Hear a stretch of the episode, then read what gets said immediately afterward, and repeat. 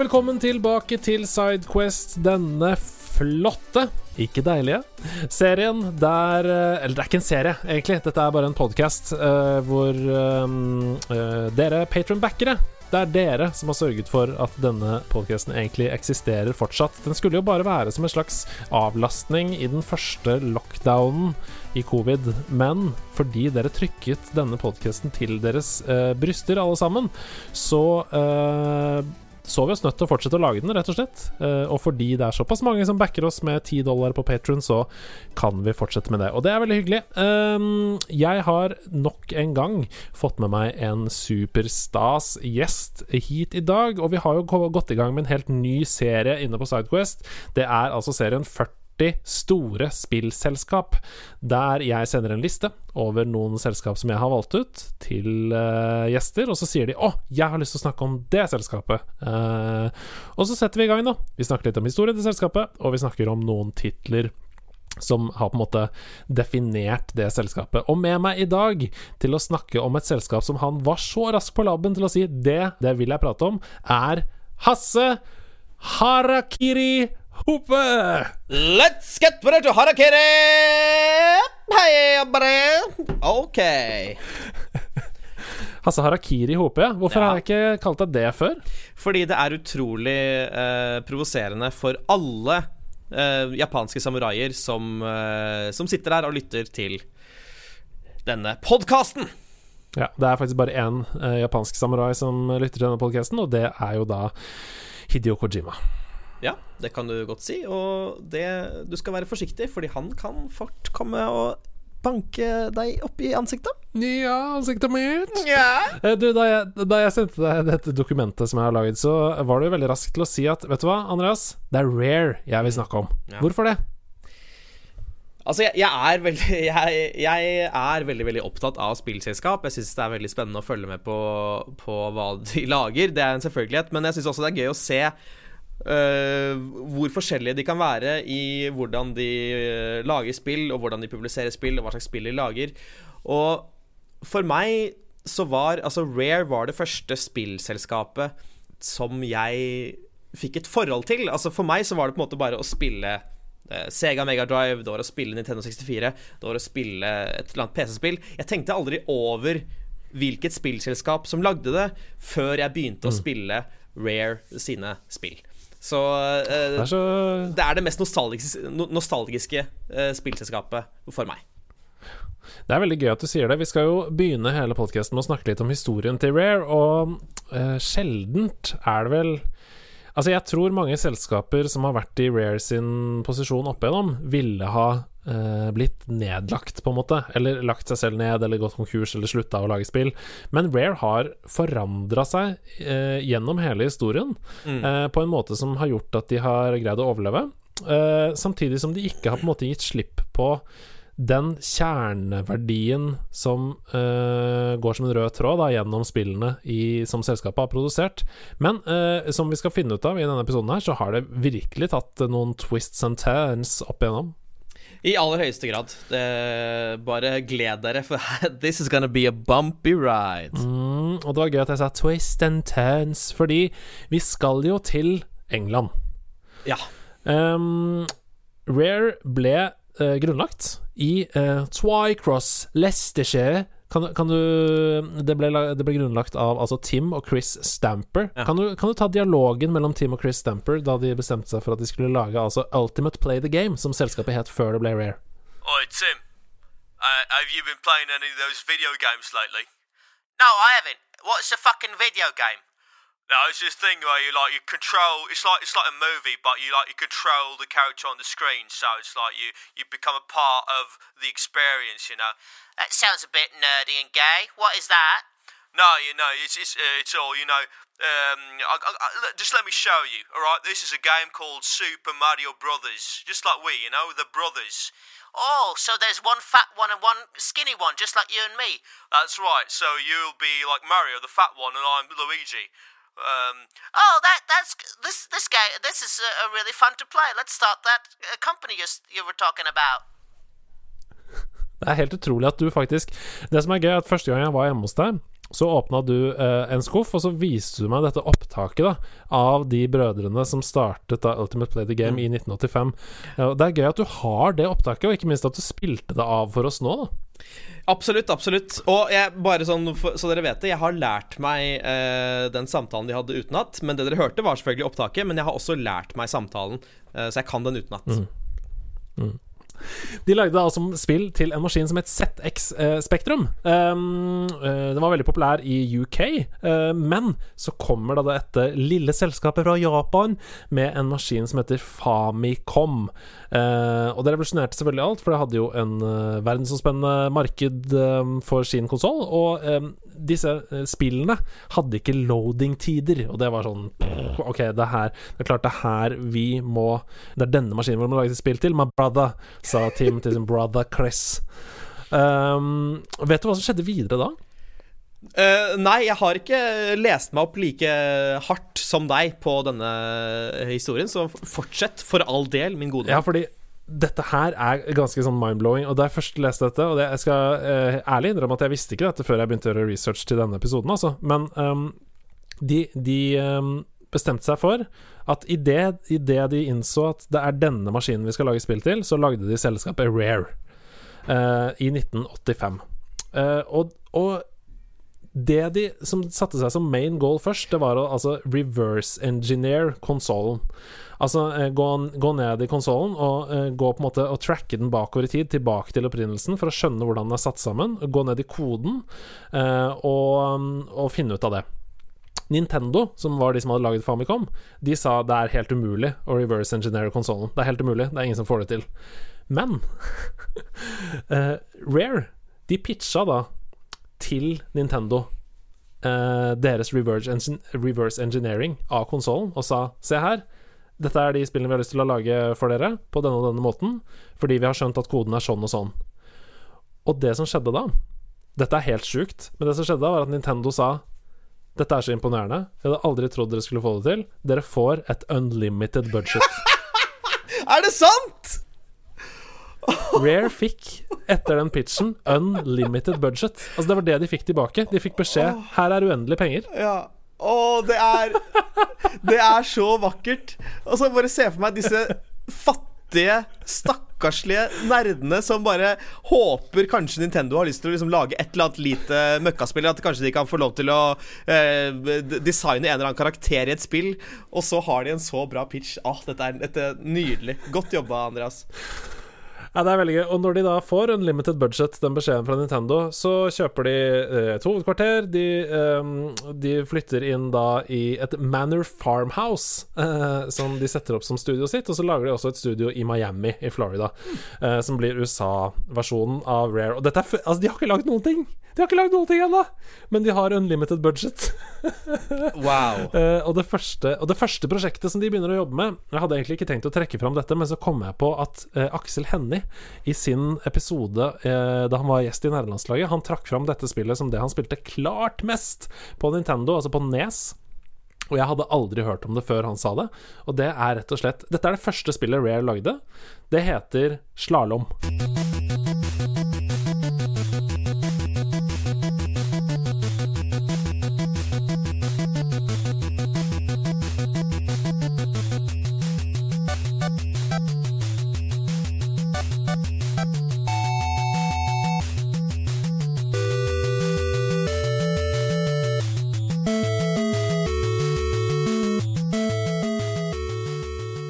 Hæ?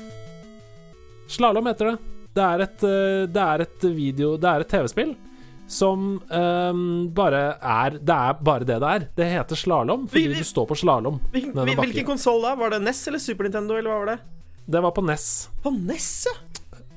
Ja, hvis du vil google slalåm nå mens vi snakker, så er det gøy. For Aksel Hennie fortalte i sin episode at eh, han eh, dro til kompisen sin hele tiden og prøvde desperat å slå eh, De prøvde desperat å slå hverandres tider da, i slalåm. Og det ser jo veldig gøy ut, men det fikk ikke sånn dritbra anmeldelser da det kom.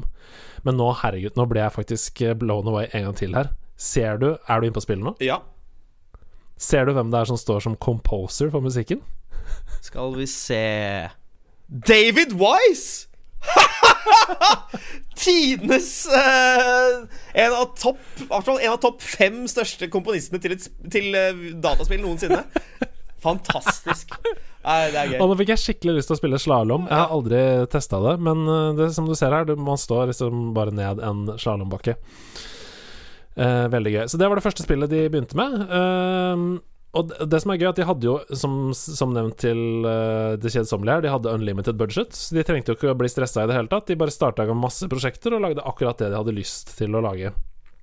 Um, og det var starten. Er ikke det gøy? Det er kjempegøy. Herregud, det er kjempegøy. Vi er i 1985-86-ish. Um, de har lagd Slalåm, dette første spillet, og så kommer da det første ordentlige spillet som skal sette Rare på kartet og uh, virkelig sørge for at uh, dørene smelles inn i verdens videospillmarked, og det er selvfølgelig Battletoads.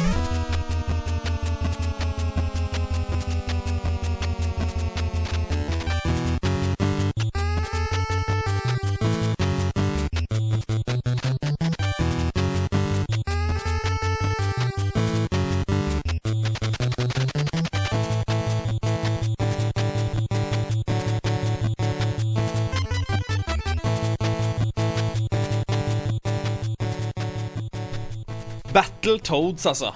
Um, altså det, det som er gøy med det, er at Battletoads er et spill jeg aldri har spilt. Ikke heller. Men jeg vet veldig veldig godt om det spillet, nettopp fordi det har jo Altså Det har liksom rykte det, det var på en måte sin tids Bloodborne.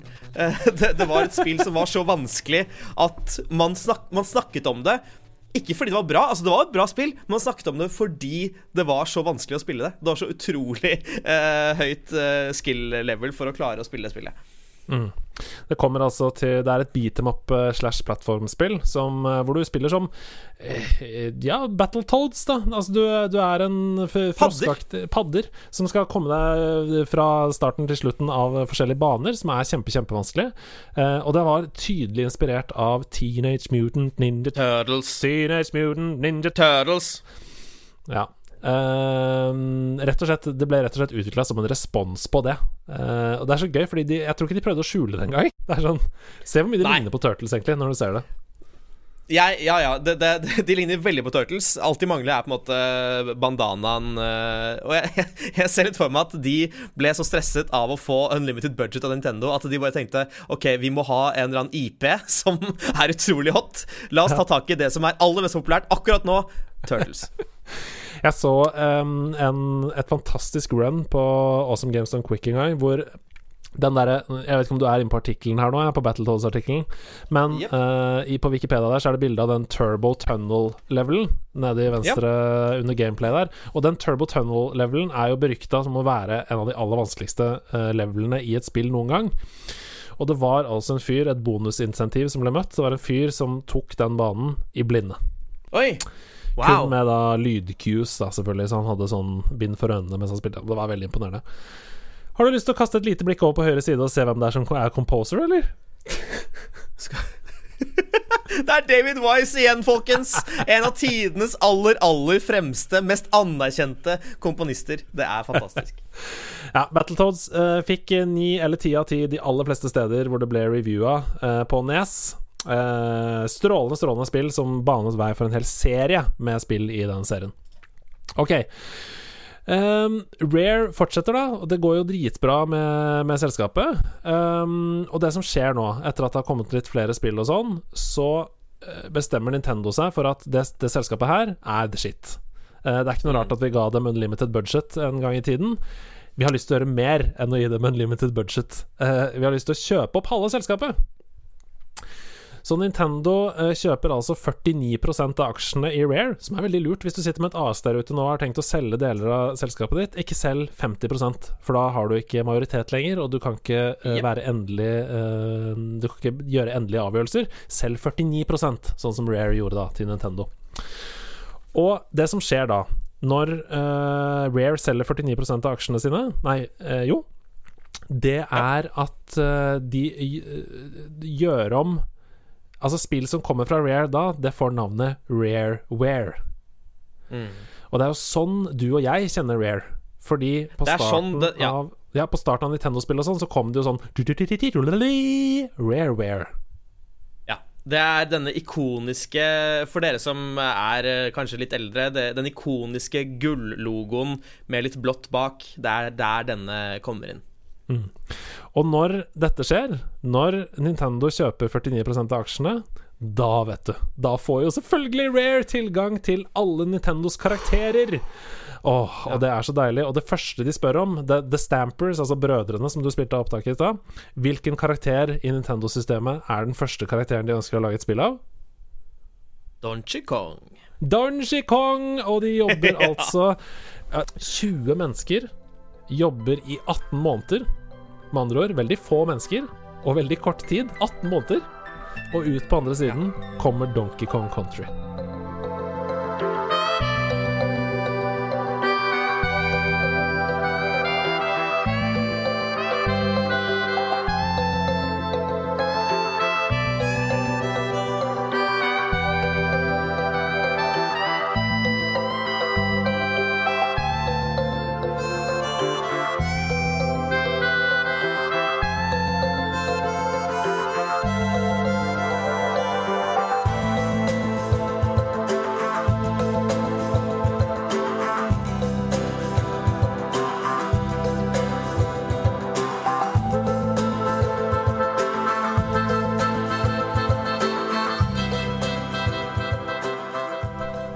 Andreas, kan jeg bare mm, stoppe der og fortelle Jeg har en anekdote der. Fortell. Jeg, altså Min spillkarriere startet ikke med PC. eh, den, eh, den startet veldig seint fordi mine foreldre ville ikke at jeg skulle spille spill. Det er jo, i hvert fall var en ganske klassisk eh, måte foreldre tenkte på, at det er ikke bra for barna. Helt samme historie. Ja. Ehm, men da jeg skulle fylle åtte, så hadde så mange i min klasse fått seg Nintendo eller altså SNES eller Sega Mega Drive at de skjønte at det var ingen vei tilbake. De kunne ikke eh, holde igjen. Så da fikk jeg en Sega Mega Drive. Og det er jo helt fantastisk, og det er noe jeg har takket, takket mine foreldre for faktisk mange ganger siden, også i voksen alder, at de gadd å gjøre det. Og jeg ble jo da en Sega-fanboy. Og dette husker sikkert du, eh, fordi det, var, en- det er en sånn forskjell på Altså det er en stor forskjell mellom det det var å være Sega eller Nintendo fanboy uh, på 90-tallet, kontra det å liksom være Xbox, PlayStation fanboy uh, i dag. Eh, fordi de, de ga ut ofte helt forskjellige spill, til og med liksom spill som hadde samme IP. Altså de kunne gi ut forskjellige Aladdin-spill, forskjellige Lion King-spill. Um, og man, man kranglet rett og slett i skolegården om hvilken maskin som var best. Og det var liksom vanskelig å liksom komme til enighet om hva som var best. Og jeg holdt, uh, holdt på mitt og liksom snakket om at eh, nei, eh, det og det med prosessoren er bedre, og vi har Sonic som er mye raskere enn Mario, og bla, bla, bla, bla. Masse piss. Og sto på mitt helt til jeg skulle i en bursdag. Jeg skulle hjem til Kristoffer Husjord i 1994 og være deltaker i hans bursdag. Og han hadde til sin bursdag fått spillet Donkey Kong Country. Jeg hadde aldri hørt om det, fordi på den tiden så fantes ikke internett, og jeg var eh, åtte år, så jeg hadde jo ikke abonnerte ikke på noen blader, eh, magasiner. Så jeg kommer opp dit og er klar for eh, fest og moro. eh, går inn på rommet, og der sitter alle foran skjermen og spiller Donkey Kong Country. Jeg ser på skjermen, og jeg blir blek i ansiktet.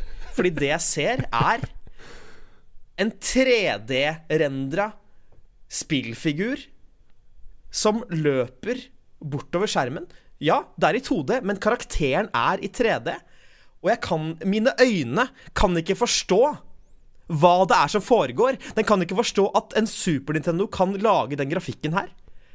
Og jeg blir altså så sint og lei meg og frustrert at jeg Da jeg kom hjem den kvelden, og det har jeg skammet meg over veldig lenge jeg skjelte ut mine foreldre, som gikk for Sega Megadrive i butikken og ikke en SNES. Fordi det jeg hadde sett på den skjermen, var så sykt.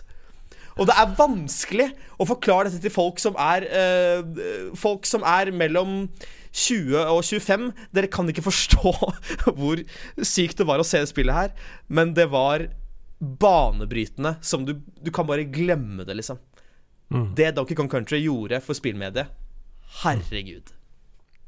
Ja, det er ganske sjukt, og det er veldig gøy at du påpeker det at det så så sjukt bra ut, fordi det er jo akkurat det eh, alle kritikerne sa da det kom.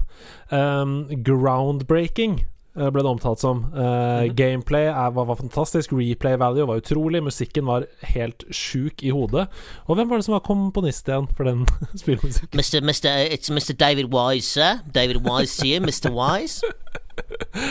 Oi, oi, oi, oi, oi. Og eh, grafikken ble også hylla som eh, next gen, liksom. Altså sånn, hva er det som skjer? Dette er bedre enn noe annet eh, eh, spill vi har sett hittil.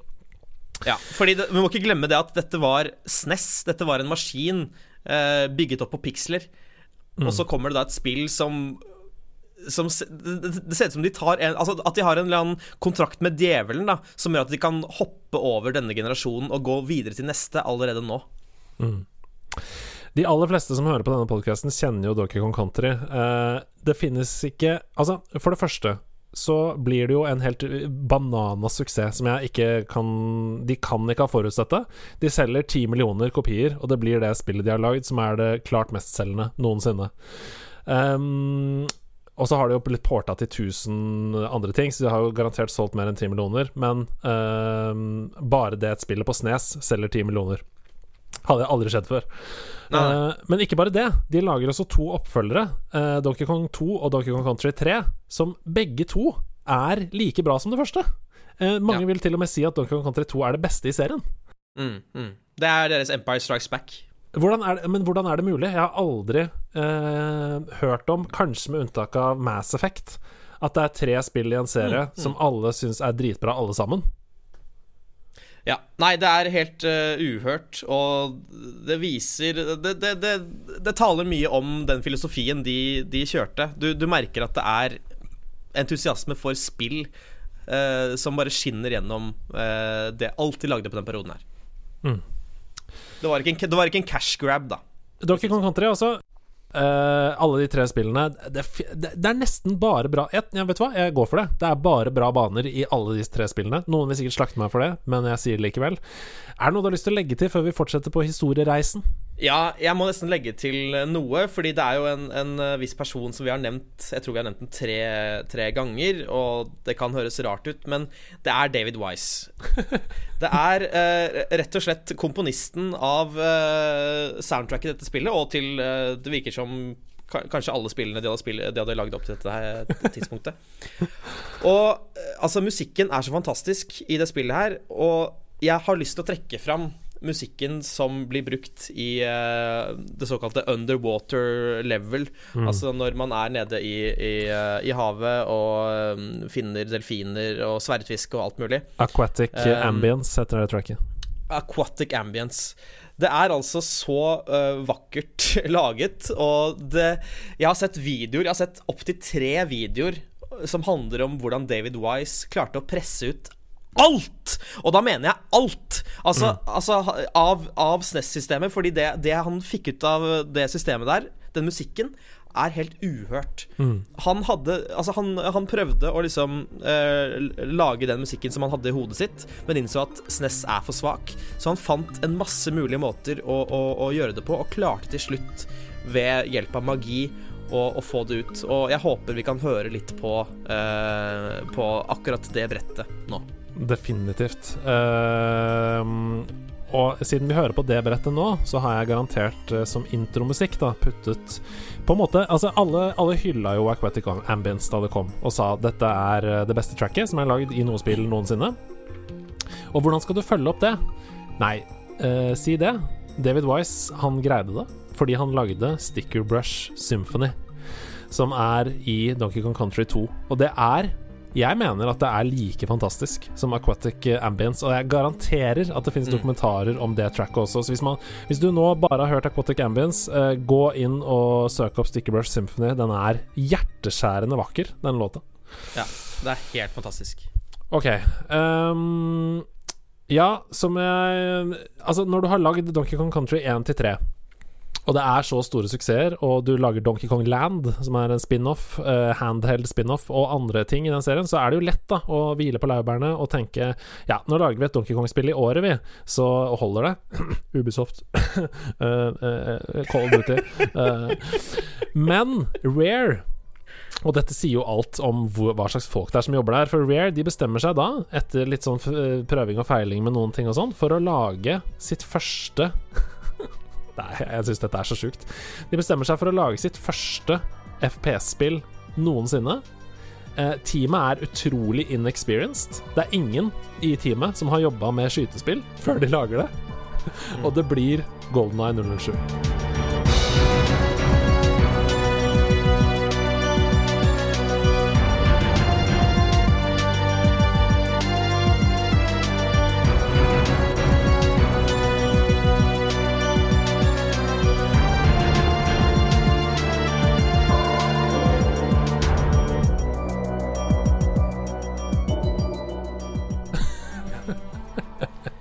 Det er så borti natta forbanna sjukt.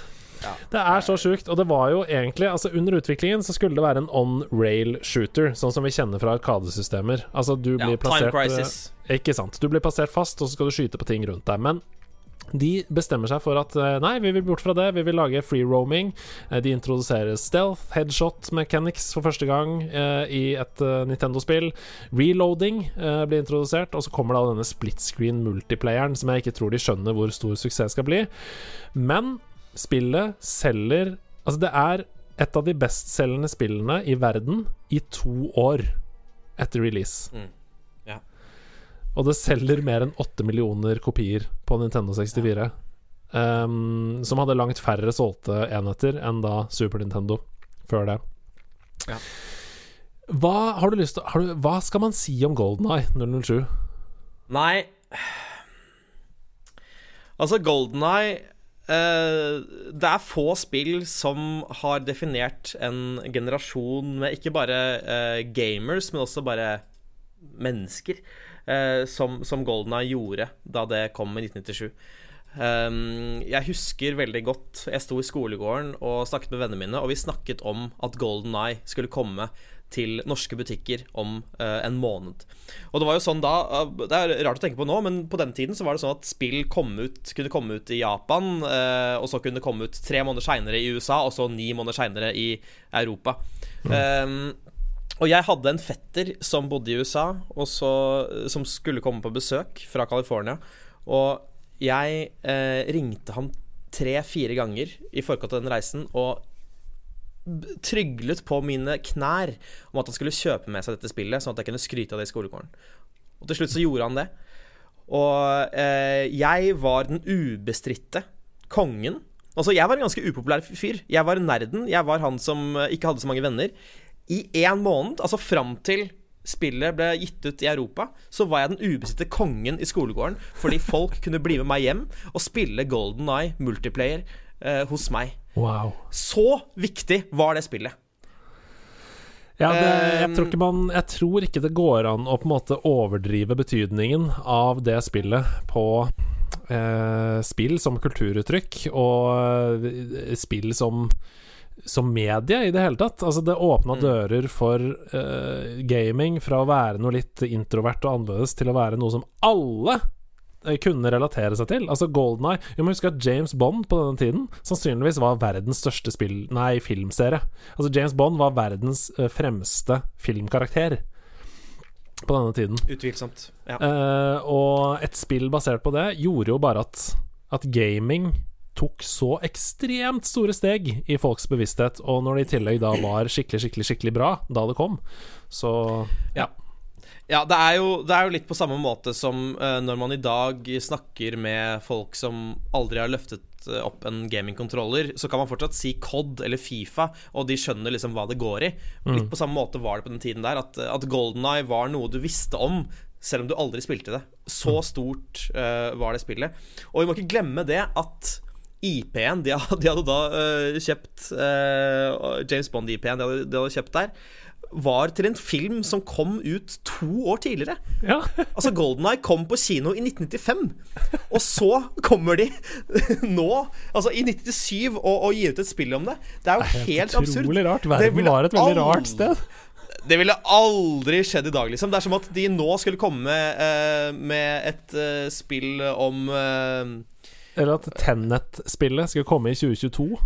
Ja, takk. Der hjalp du meg. Tusen takk. Det er akkurat sånn det er. Um, dette var, et, dette var et, et stort kulturuttrykk, og det som er så fint, er jo at både singleplayer og multiplayer er omtrent like viktig. Singleplayer fordi de innførte alle disse mekanikkene du snakket om, reloading uh, osv., men ikke minst uh, fordi de før Half-Life Half-Life blir, blir ofte sett på som på en måte den uh, intellektuelle uh, FPS-ens far.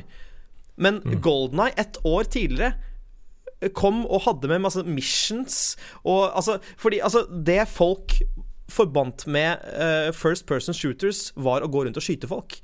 Punktum. I Doom, i Wolfenstein, you name it. Du gikk rundt og skjøt folk, og det var det. Drep. Her kommer Golden Eye og har missions. Og der du får liksom fail Du, du, du, du feiler et, et helt oppdrag etter du har spilt i ti minutter fordi du, du skyter hans uh, vitenskapsmannen som du skal redde. Helt uhørt. Nok en gang, da. Vi var jo ikke stødige i engelsk. Jeg var ni år. Eh, så jeg skjønte jo ikke at jeg måtte plukke opp uh, f.eks. et keycard for å komme meg videre. Ja. Eh, så Ja. det var helt sånn eh, Helt mind-blowing, ass. Ja. Det, altså det, denne bitte lille gjengen, som da, som, som du sa, aldri hadde laget et, et eh, FPS-spill, de omdefinerte hele sjangeren. Og ikke minst, Andreas, ikke minst, de omdefinerte sjangeren på konsoll. Tenk på det. FPS-er var PC. Det var det FPS-er var. Du spilte FPS på PC. Fordi det var, folk kunne ikke skjønne hvordan du eh, skulle klare å, å spille et FPS-spill med kontroller. Det klarte de å få til. Og derfor sitter vi her i dag og spiller COD, eh, og spiller eh, Battlefield, og spiller alle de FPS-spillene vi spiller i dag. Altså honnør til, Ja. Til dette bitte lille britiske teamet. Jeg elsker det. Eh, vi må videre. Dette er Jeg kunne snakka om dette selskapet og titlene deres i mange, mange, mange mange timer, men vi må eh, Jeg vil at du skal flytte øynene dine over til Composer-fanen under Wikipedia-artikkelen. Fordi der er det to navn som du må merke deg, nemlig Grant Kirkhope og Robin Beanland. Bare husk det. Ha det litt inni den lille knollen din til seinere. Den er ikke liten, men greit. Ja. Jeg regner med at du har hørt om dem før, men, eh, men ok. Uh, Golden Eye det tar jo helt fullstendig av. Uh, det klikker og selger som bare rakkeren. Uh, det neste spillet de begynner å utvikle, det er eh, Originalt så det, skulle det være et RTS, altså et real time strategy-spill, som skulle involvere huleboere, blant annet. I, I siste liten, sånn utviklingsmessig, så blir det et racing game, og det heter Diddy Kong Racing.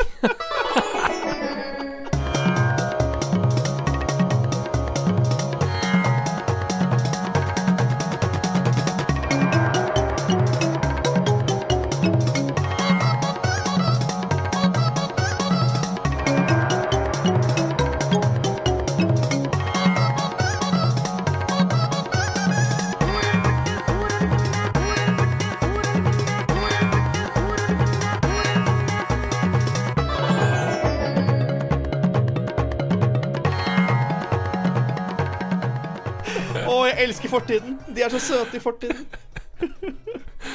Ja, det er veldig, veldig rart. Og Diddy Kong Racing, altså. Fy søren, det er fortsatt 1997.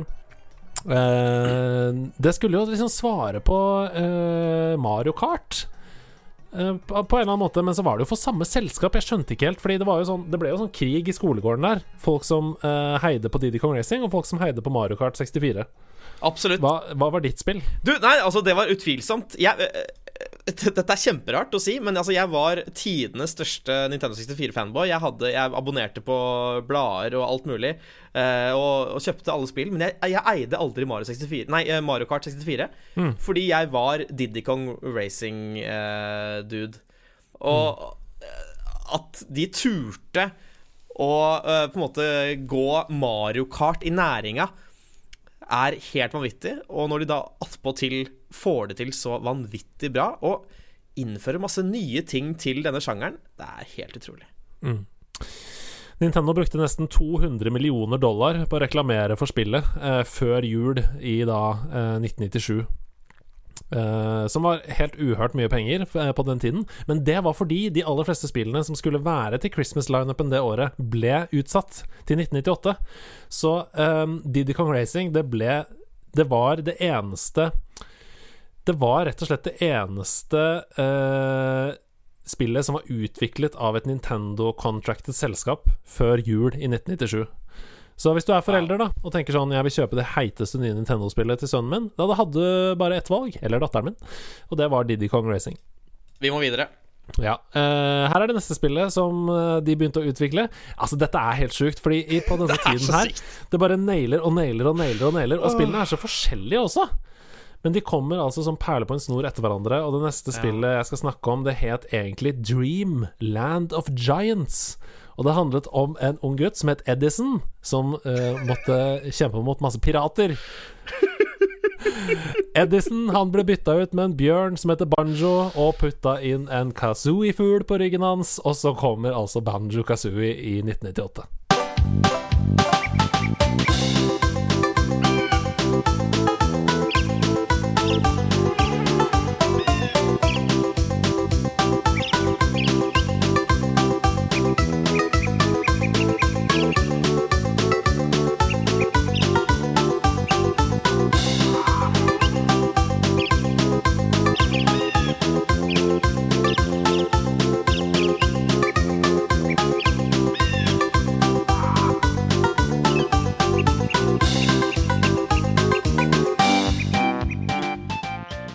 Altså, herregud. Herre, herregud, liksom. Det er uh, Jeg kan nesten ikke tro det. Jeg vet alt om dette selskapet, men det er fortsatt helt sykt å høre at de følger opp med det der.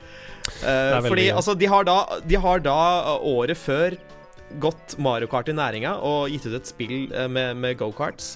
Og så skal de gå Mario 64 i næringa. Altså et spill som er så viktig for spillmediet at Altså, det er liksom Det er fødselen til 3D gaming. Det er Mario 64. Det er et perfekt spill. Og så kommer de med uh, en uh, platformer som det der, og så er det bare vanvittig bra. Ja, det er så bra. Uh, jeg glemte å nevne i forrige spill, Diddy Kong Racing Jeg vet ikke om du har den fanen oppe enda fra Wikipedia? På ingen måte. Nei. Da kan du gå på nylig lukkede faner i din prefererte nettleser. Ok. Uh, under logget der, og så kan du åpne den fanen igjen. Har du den oppe nå? Ja, Og så kan du gå bort til Composers under den. Nei, faen! Har David Wise laga musikk her? Nei, faen, ass. Så gøy.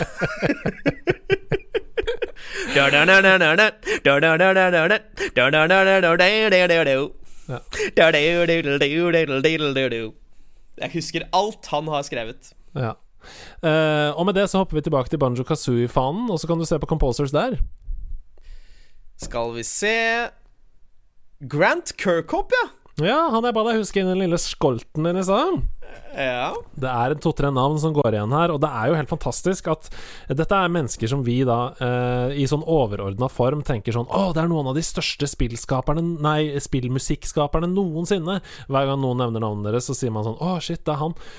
Og så viser det seg at alle jobba for Rare, og alle jobba med bare disse spillene her. ja, ja. Det er bare en perfekt storm. Det er uh, magi på flaske, liksom. Det er uh, helt sykt.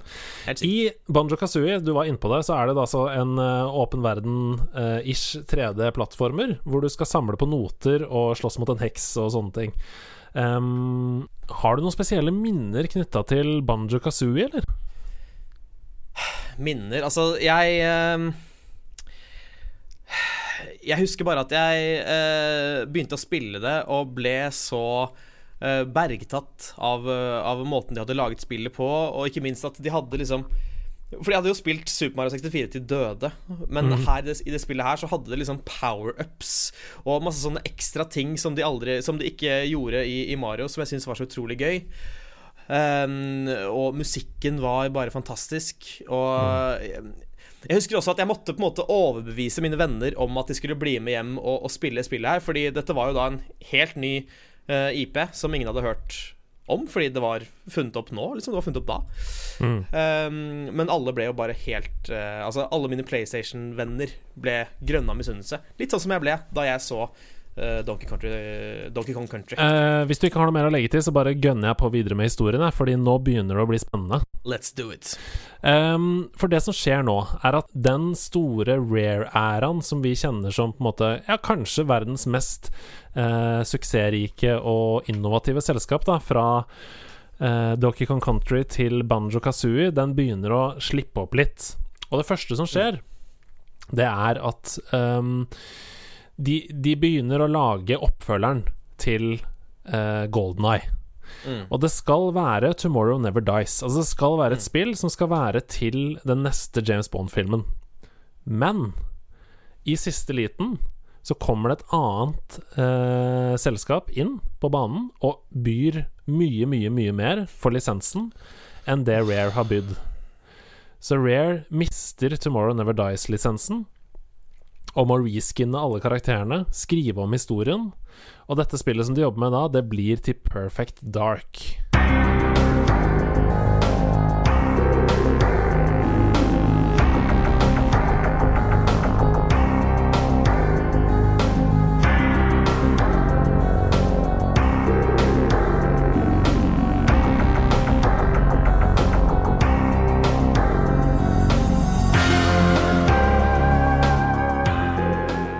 Som er en spirituell oppfølger til Golden Eye, men det er, altså det er et FPS-spill som er lagd i samme eh, engine. I samme engine og i samme ånd Ja, som, som, som Golden Eye. Um, og så, eh, altså Det de gjorde med det spillet, for å prøve å skille det mer eh, fra Golden Eye da, og Tomorrow Never Dies, det var at de, de fokuserte på lys og skygger eh, i det spillet. Med andre ord tittelen Perfect Dark. Vi skal ikke snakke så mye om det, men har du spilt det, eller? Om jeg har spilt det Altså, jeg, jeg, kan, jeg kan ikke huske å ha vært mer hypa for et spill eh, noensinne. Fordi altså, Golden Eye var det definerende spillet i uh, mine tenår. Og at de da skulle følge opp med en ny uh, first person shooter Jeg var så gira som man kan bli. Og til tross for da at jeg igjen uh, Rare er rare. De kom med en ny IP. Um, uansett så var jeg utrolig, utrolig gira på dette her. Og jeg syns det, var- det, det var helt fantastisk da det kom. Um, Det var jo dritbra. Det var, ja, altså, drit- i, på alle måter er det bedre enn Golden Eye. Absolutt, absolutt. Det er på en måte bare Jeg tror grunnen til at vi, Man snakker ikke så mye om Perfect Dark i, i dag, og det handler nok om at det de gjorde, var en, det var en forbedret versjon av, av Golden Eye, og eh, antag nei, protagonisten i spillet er ikke kjent. Altså, det er ingen som har noe forhold til Perfect Dark utenfor det spillet, på en måte. Og jeg vet at det kom flere Xbox-varianter av det. Men ehm, det fortjener absolutt mye mer hyllest enn enn det fikk. Og som du sier, da, altså bare sånn lys Altså hvordan de brukte lys. eh, Litt sånn som det er nå å se, sånn, øh, se raytracing på veldig gode PC-er. Sånn var det å gå inn i Perfect Dark og, og spille de brettene der. Det så Ja. helt fantastisk ut.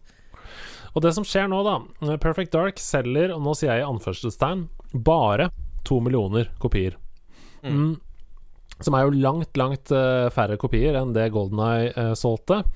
Eh, men det er ikke noe dårlig likevel. Altså, de tjener masse penger på det spillet, men de begynner å bli litt usikre på dette tidspunktet her, på avgjørelser de tar. Er dette Før så bare kjørte de på og gjorde det de ville. Men er dette på en måte riktig, det vi holder på med nå? Så um, de begynner å utvikle et nytt spill som, eh, med en ny karakter som de kaller for Conquer the Squirrel. Uh, og det spillet skulle hete Conquers Quest, og så det, får det en ny tittel som heter 12 Tales Conquer 64. Og så viser de det fram uh, for uh, folk flest på en messe. Jeg vet ikke helt 100% sikkert hvilken messe det var, men det spillet får ganske hard medfart når det blir vist fram, altså eh, flere år før det skal ut. Eh, folk sier at det er, det er for familievennlig, og hva gjør Rare da? Nei, de tviler på sine egne avgjørelser, og så tenker de Ok, dere sier at det er for familievennlig. Vel, fuck dere. Så renamer de spillet til Conquers Bad Fur Day og skriver inn masse vold, banneord, eh, mørk, mørk humor eh, og dreping, og han er full, og han tisser på seg, og det er liksom Altså, de gjør det til det, mest, til det minst familievennlige spillet som fins på Nintendo 64. Og det, altså, det grepet i seg selv det virker som et litt sånn uh, fuck you til de som kritiserte det for å være for familievennlig og lignende på Banjo Kazooie, men det gjør jo også at det skiller seg ut, da. Og får veldig positive uh, anmeldelser og sånn, men selger selvfølgelig ikke spesielt bra. Nei. Eh, nettopp fordi det, hovedsaken av de som kjøper spill på den tiden, er uh, barn og unge, og spesielt på Nintendo, uh, og foreldrene deres. Ikke sant? Og når de ser at dette spillet handler om et fullt ekorn som skal kaste opp og tisse og komme seg vekk eh, Nei, komme seg hjem etter å våkne fyllesyk et sted, så er det liksom ikke det du gir til barna dine til jul. På ingen måte. Eh, og Nintendo tenker også at dette har vi ikke lyst til å aktivt promotere, så de gjør ikke det. Og her begynner på en måte forholdet til Nintendo å skrante litt. Um, det blir dyrere og dyrere å lage spill, rett og slett. Uh, og Nintendo er ikke så veldig interessert i å gi Rare mer penger nå. Um, Stampers, altså de brødrene som lagde Rare, de er veldig overraska på det tidspunktet over at Nintendo ikke bare kjøper hele studio. Uh, de har fortsatt bare 49% av aksjene. Mm. Eh, og eh, ja, som sagt, forholdet blir dårligere og dårligere, og de bestemmer seg for å se etter andre kjøpere. Altså selge eh, hele selskapet i sin helhet til et annet selskap. Og det blir en lang prosess som ender med rett og slett at Microsoft kjøper Rare for eh, 375 millioner dollar. Og Rare blir da første Altså first party developer for Xbox på den tiden. Hva tenkte du da, som Nintendo 64-fan og Rare-fan? Det var ganske Det var ganske brutalt, fordi eh, jeg hadde Altså, som en helt ekstrem Nintendo 64-fanboy Altså, etter Nintendo så var det Rare jeg hadde det næreste forholdet til innenfor gaming. Og jeg kunne alltid stole på at når Rare kom med et nytt spill, så ville jeg elske det. Og det tok aldri feil, på en måte.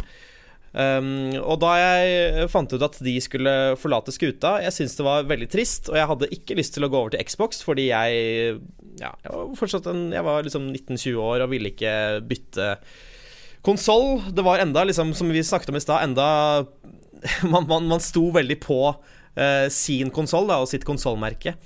Så jeg syns det var uh, oppriktig veldig, veldig trist. Mm. Og det er heller ikke noen suksess, dette oppkjøpet. Dette skjer jo da i 2002. Eh, det er et sånn urban legend på, i gaming-internett som sier at eh, Microsoft ikke visste at, at eh, Donkey Kong for eksempel, og Star Fox var Nintendo-eide properties, og at de trodde at de skulle få med de på kjøpet da de kjøpte Rare. Åh, la det være sant! La det være sant! Jeg håper så veldig at det er sant, Ja. men ehm, at det er sånn De går ut av det møtet hvor det er signert, og så bare Yeah, let's make a Donkey Kong game. Så bare eh, vi, har ikke, vi har ikke rettighetene til Donkey Kong. Sir, the, the the rights to that game is uh, belongs to uh, Nintendo, so we can't actually do that. Sorry. Men det de fikk lov til å beholde, da, det var jo Conquer. Og de fikk lov til å beholde Banjo, eksempel, fra Banjo Kazooie. Eh, fordi dette var jo eh, karakterer som ble utviklet for Nintendo-plattformer, men av Rare. Eh, 30 ansatte sier opp idet Microsoft kjøper Rare. Og det er jo en litt sånn Hva er det du egentlig kjøper når du kjøper et selskap? Du kjøper jo menneskene som jobber der. Du er interessert i den skaperkraften som de kommer med. Så jeg lurer litt på hva de tenkte, Microsoft, når de på en måte sitter igjen uten noen egentlig store Nei, du, sitter igjen med en merkevare som i bunn og grunn ikke er verdt så mye, fordi merkevaren er utelukkende basert på de hodene som har laget spillene for, eh, for, for Nintendo. Eh, så du sitter igjen med noen IP-er som du håper kan, eh, kan brukes til noe bra, men du har altså men det, det er jo litt sånn symptomatisk for hvordan Xbox har operert siden også. eh, for de har jo utvilsomt tapt den kampen i First Party Developer-krigen med, med Sony. Altså Når Sony gir ut et spill som er liksom gitt ut av en First, person, nei, first Party Developer, så er, er det ofte ekstremt bra. Eh, og dette føler jeg på en måte er sånn starten på det. da At de har gjort litt feil valg der. Kjøpt opp selskaper som gjør det bra, som har gitt ut bra spill, som tjener penger, men uten å helt liksom skjønne hvorfor de selskapene har fungert så bra som de gjør, da. Mm. Så den store vinneren her, det er jo Nintendo, som da på en måte eh, kvitter seg med et selskap som eh, de nok forstår at er litt over toppen. Eh, og Microsoft kjøper da basically katta i sekken, for nå kommer det mange ganske dårlige, eller i hvert fall average spill etter hverandre. Eh, blant annet eh, slageren It's Mr. Pants! Et puzzle Et puzzle-spill. Eh, de lagde også et par helt average eh, dårlige uh, racingspill. Fem av ti spill som heter Banjo Pilot og ja Diddy Pilot osv.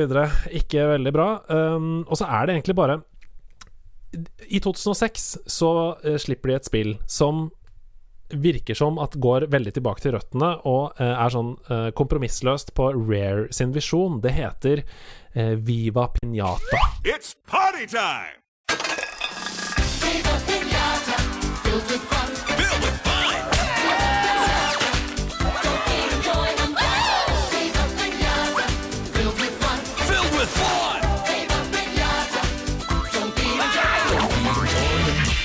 Jeg har hørt navnet, jeg, men jeg, jeg får ikke noe bilde opp i hodet når jeg hører tittelen. Nei, Viva Pinata det var eh, et spill som skulle eh, ta den bølgen av på en måte livsspill som var veldig store da. The Sims, Animal Crossing, Harvest Moon. Eh, og putte alt inn i en pakke. Og det handler om gardening. Det handler om å ha Altså, det er en livs... Det er en simulator med, for å slappe av og sånn. Veldig fargerikt, veldig pent. Um, og det gjør det dessverre ikke så veldig bra. Og uh, Rare er sinna på Microsoft fordi Microsoft legger alle markedsføringspengene sine i Gears of War istedenfor Viva Pinata. Eh, og her er et sitat som kommer fra James Thomas, som var engineer, software engineer i Rare på den tiden. Uh, so much of the money went towards Gears of War, which is going to sell millions anyway. It was a bit of a like, what about the other franchise? I think we got left in the wake somewhat. Uh, og det som skjer nå, vil vel mange tro er spikeren i kista for Rare. For Chris og Tim Stamper, som lagde selskapet, vi hørte samtalen, de slutter i sitt eget selskap 2.1.2007. Mm, that's the spiker in the chest. That's the spiker. Ja, det er jo Da skjønner du at eh, de er utfor stupet. Men de nekter å dø, da. Eh, og det er liksom noen magre år der hvor det skjer eh, litt revete ting. Men jeg har det, det som er så deilig med Rare, er at det er en redemption story. Fordi Oi, oi, oi, oi, oi. Det kommer et spill som blir omtalt as the best game that Rare has ever made. Eh, det er det det blir markedsført som. Um, og Microsoft sier at det er den mest suksessfulle IP-en som de slapp i den åttende generasjonen med spill. Altså åtte generasjoner med videospill, da. Som på en måte begynner med eh, Wii U, som slippes i 2012, og PlayStation 4-æraen og sånn. Det er mer enn ti millioner spillere som spiller det. Det er Sea of Thieves.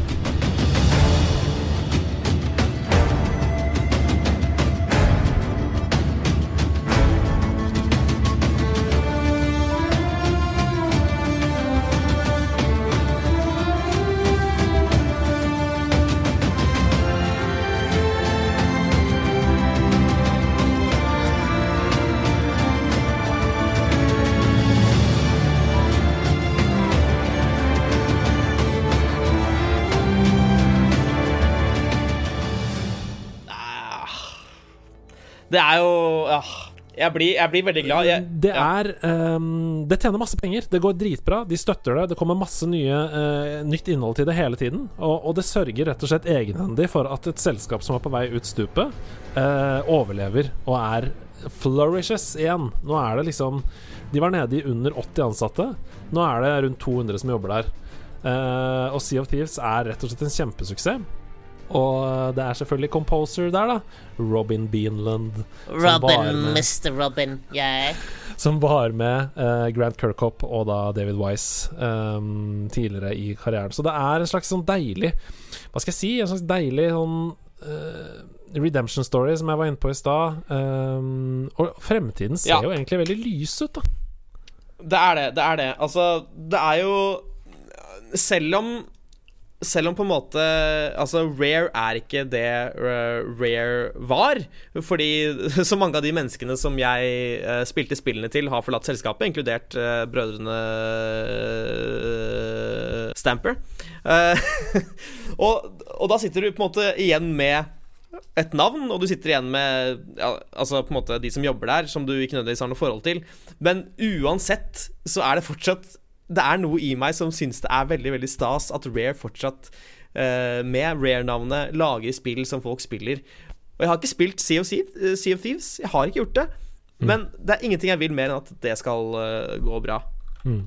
Og Sea of Thieves er jo en No Man's Sky-historie. Kommer ut og har veldig lite innhold. Folk er skuffa over det som de trodde skulle være eh, Pirate Simulator. Men så går tiden, da, og det kommer flere utvidelsespakker. Eh, 2018 kommer det masse pakker. 2019 kommer det mer og mer innhold. 2020 fortsatt eh, støttes det megamye. Og det siste innholdet kom altså i januar 2021. Og det er ingen som har sagt noe om at de skal slutte å levere innhold til det spillet, så akkurat nå så er det rett og slett det som man trodde det skulle være da det kom. Um, en stor piratsimulator. Det har nå mer enn 15 millioner aktive spillere, eh, og er et av de spillene som Xbox og Microsoft satser hardest på. Um, så hvis du har en Xbox og har lyst til å være pirat med vennene dine, så er Sea of Thieves uh, rett og slett det stedet du bør gjøre det. Eller på PC, da, selvfølgelig, som du nå har mulighet til, hersefar. Vet du hva jeg lukter, eh, Andreas? Vet du hva jeg lukter? Jeg lukter en liten stream der eh, Andreas-baby og Hasse-baby eh, kanskje tester ut det der Pirates of the Caribbean-spillet. Oh, Ja, det hadde vært gøy. Du og jeg, Sea of Thieves. Ja, vi, vi skal være pirater sammen, og så kan vi føle på Så kan vi si sånn er, det, er det rare? Kjenner du rare-stemningen? Ja, det er ingenting jeg har mer lyst til å si i en stream enn er det rare? Kan du kjenne på rare-stemningen? Ja. Andreas, jeg må også Jeg vet at jeg, Nå vet ikke jeg hva du har tenkt å si etter dette. Um, og jeg, jeg liker veldig godt når jeg hører på podkast, og det ender på en, uh, en high note. Eh, sånn positivitetsmessig. Hvis jeg hører en podkast om, uh, om klima, og de har vært veldig negative hele sendingen, og så er det sånn But remember, there is uh, there is a possibility of carbon capture could uh, save us from the uh, the inevitable. så må man jo nevne et spill som ble gitt ut som ikke ligger under Rare-fanen, men som veldig mange av de som lagde uh, Rare-spill, bl.a. Banjo Kazooie, ga ut for noen år siden. ja. Vet du hvilket spill jeg tenker på? Uh, Ukulele tenker du på, selvfølgelig. Yuka fucking Laylee. Liker du det, altså? Fordi Nei, nei, på ingen måte. Uh, og det er nettopp derfor jeg, jeg ikke veit om det er riktig av meg å ta det opp, fordi det er alltid hyggelig å slutte på noe positivt. Men det var jo et spill som kom der uh, jeg og veldig, veldig, veldig mange Uh, tenkte nå er uh, folka våre tilbake. Nå har de laget et nytt uh, plattformspill som kommer til å gi oss uh, gåsehud, og så er det veldig, veldig forglemmelig. Eh, det har kommet en DLC der i ettertid som fyller ut spill med mer innhold, og som ble uh, spilt på GameStone Quick i år, og som de, da, vi i hvert fall skal ha det til at uh, har gjort det til et bra spill. Eh, men ja, jeg kan ikke gå god for det. Jeg har ikke spilt det selv, basert på at folk sa 'please, ikke spill det'. Så ja. Jeg tror vi skal avslutte Rare-episoden vår der. Ja. Det er jo et nydelig eventyr av et spillselskap. Jeg syns det er så gøy ja, å holde på med denne serien her. Det er kjempe, kjempegøy. Og det, det siste jeg vil si om Rare som selskap, det er at For dere som ikke liksom helt var med på denne perioden og ikke helt fikk med seg hvordan det var Rare er Eller Rare var fra 1994 til rundt 2000-2001 det samme som Pixar er i dag. Altså, det, et, det var et selskap som ga ut eh, genial, geniale spill på løpende bånd, og hver gang så var det en ny IP. Det var en ny karakter, et nytt uh, univers, og det er faktisk ganske så unikt, det de fikk til. Og det fortjener all hyllesten det kan få. Fantastiske ord. Jeg har bare lyst til å legge til helt til slutt at uh, Hasse har fått seg gaming-PC. Han har begynt å streame. Uh, det kan du få med deg. Gå inn og følg kanalen hans. Twitch.tv slash hassehope69. Nei, det er så, det er så, det er så grovt navn, baby. Det er så gøy, fordi du vet at eh, dette er bare starten, men du har det navnet er nå på en måte skrevet i stein. Du kommer alltid til å være Hasse Hope69 eh, på Twitch. Ja, jeg kommer nok til å angre hvis jeg plutselig skulle gå global, eh, men eh, det får jeg bare leve med. Jeg elsker det tallet. Jeg foreslår at den første emojien som customizes, som man kan ha i chatten, er han fyren som gjør sånn her. Nice. Og du skal lage det? Ja, jeg gleder meg. Gå inn og følg Hasse på Twitch. Eh, tusen takk for at du hørte på. Tusen takk for at du var med, Hasse. Eh, vil du si noe til lytterne som de kan ta med seg ut i natten, eller? Ja, nei, bare stay cool. eh, don't quit school, ikke ta narkotika. Og eh, sjekk ut noen av Rare-spillene. Jeg kan ikke gå god for at det funker den dag i dag, men det er en viktig del av spillhistorien, så ja, ta deg en liten spinnom i eh, Golden Eye multiplayer med en kompis. Ha det! Ha det!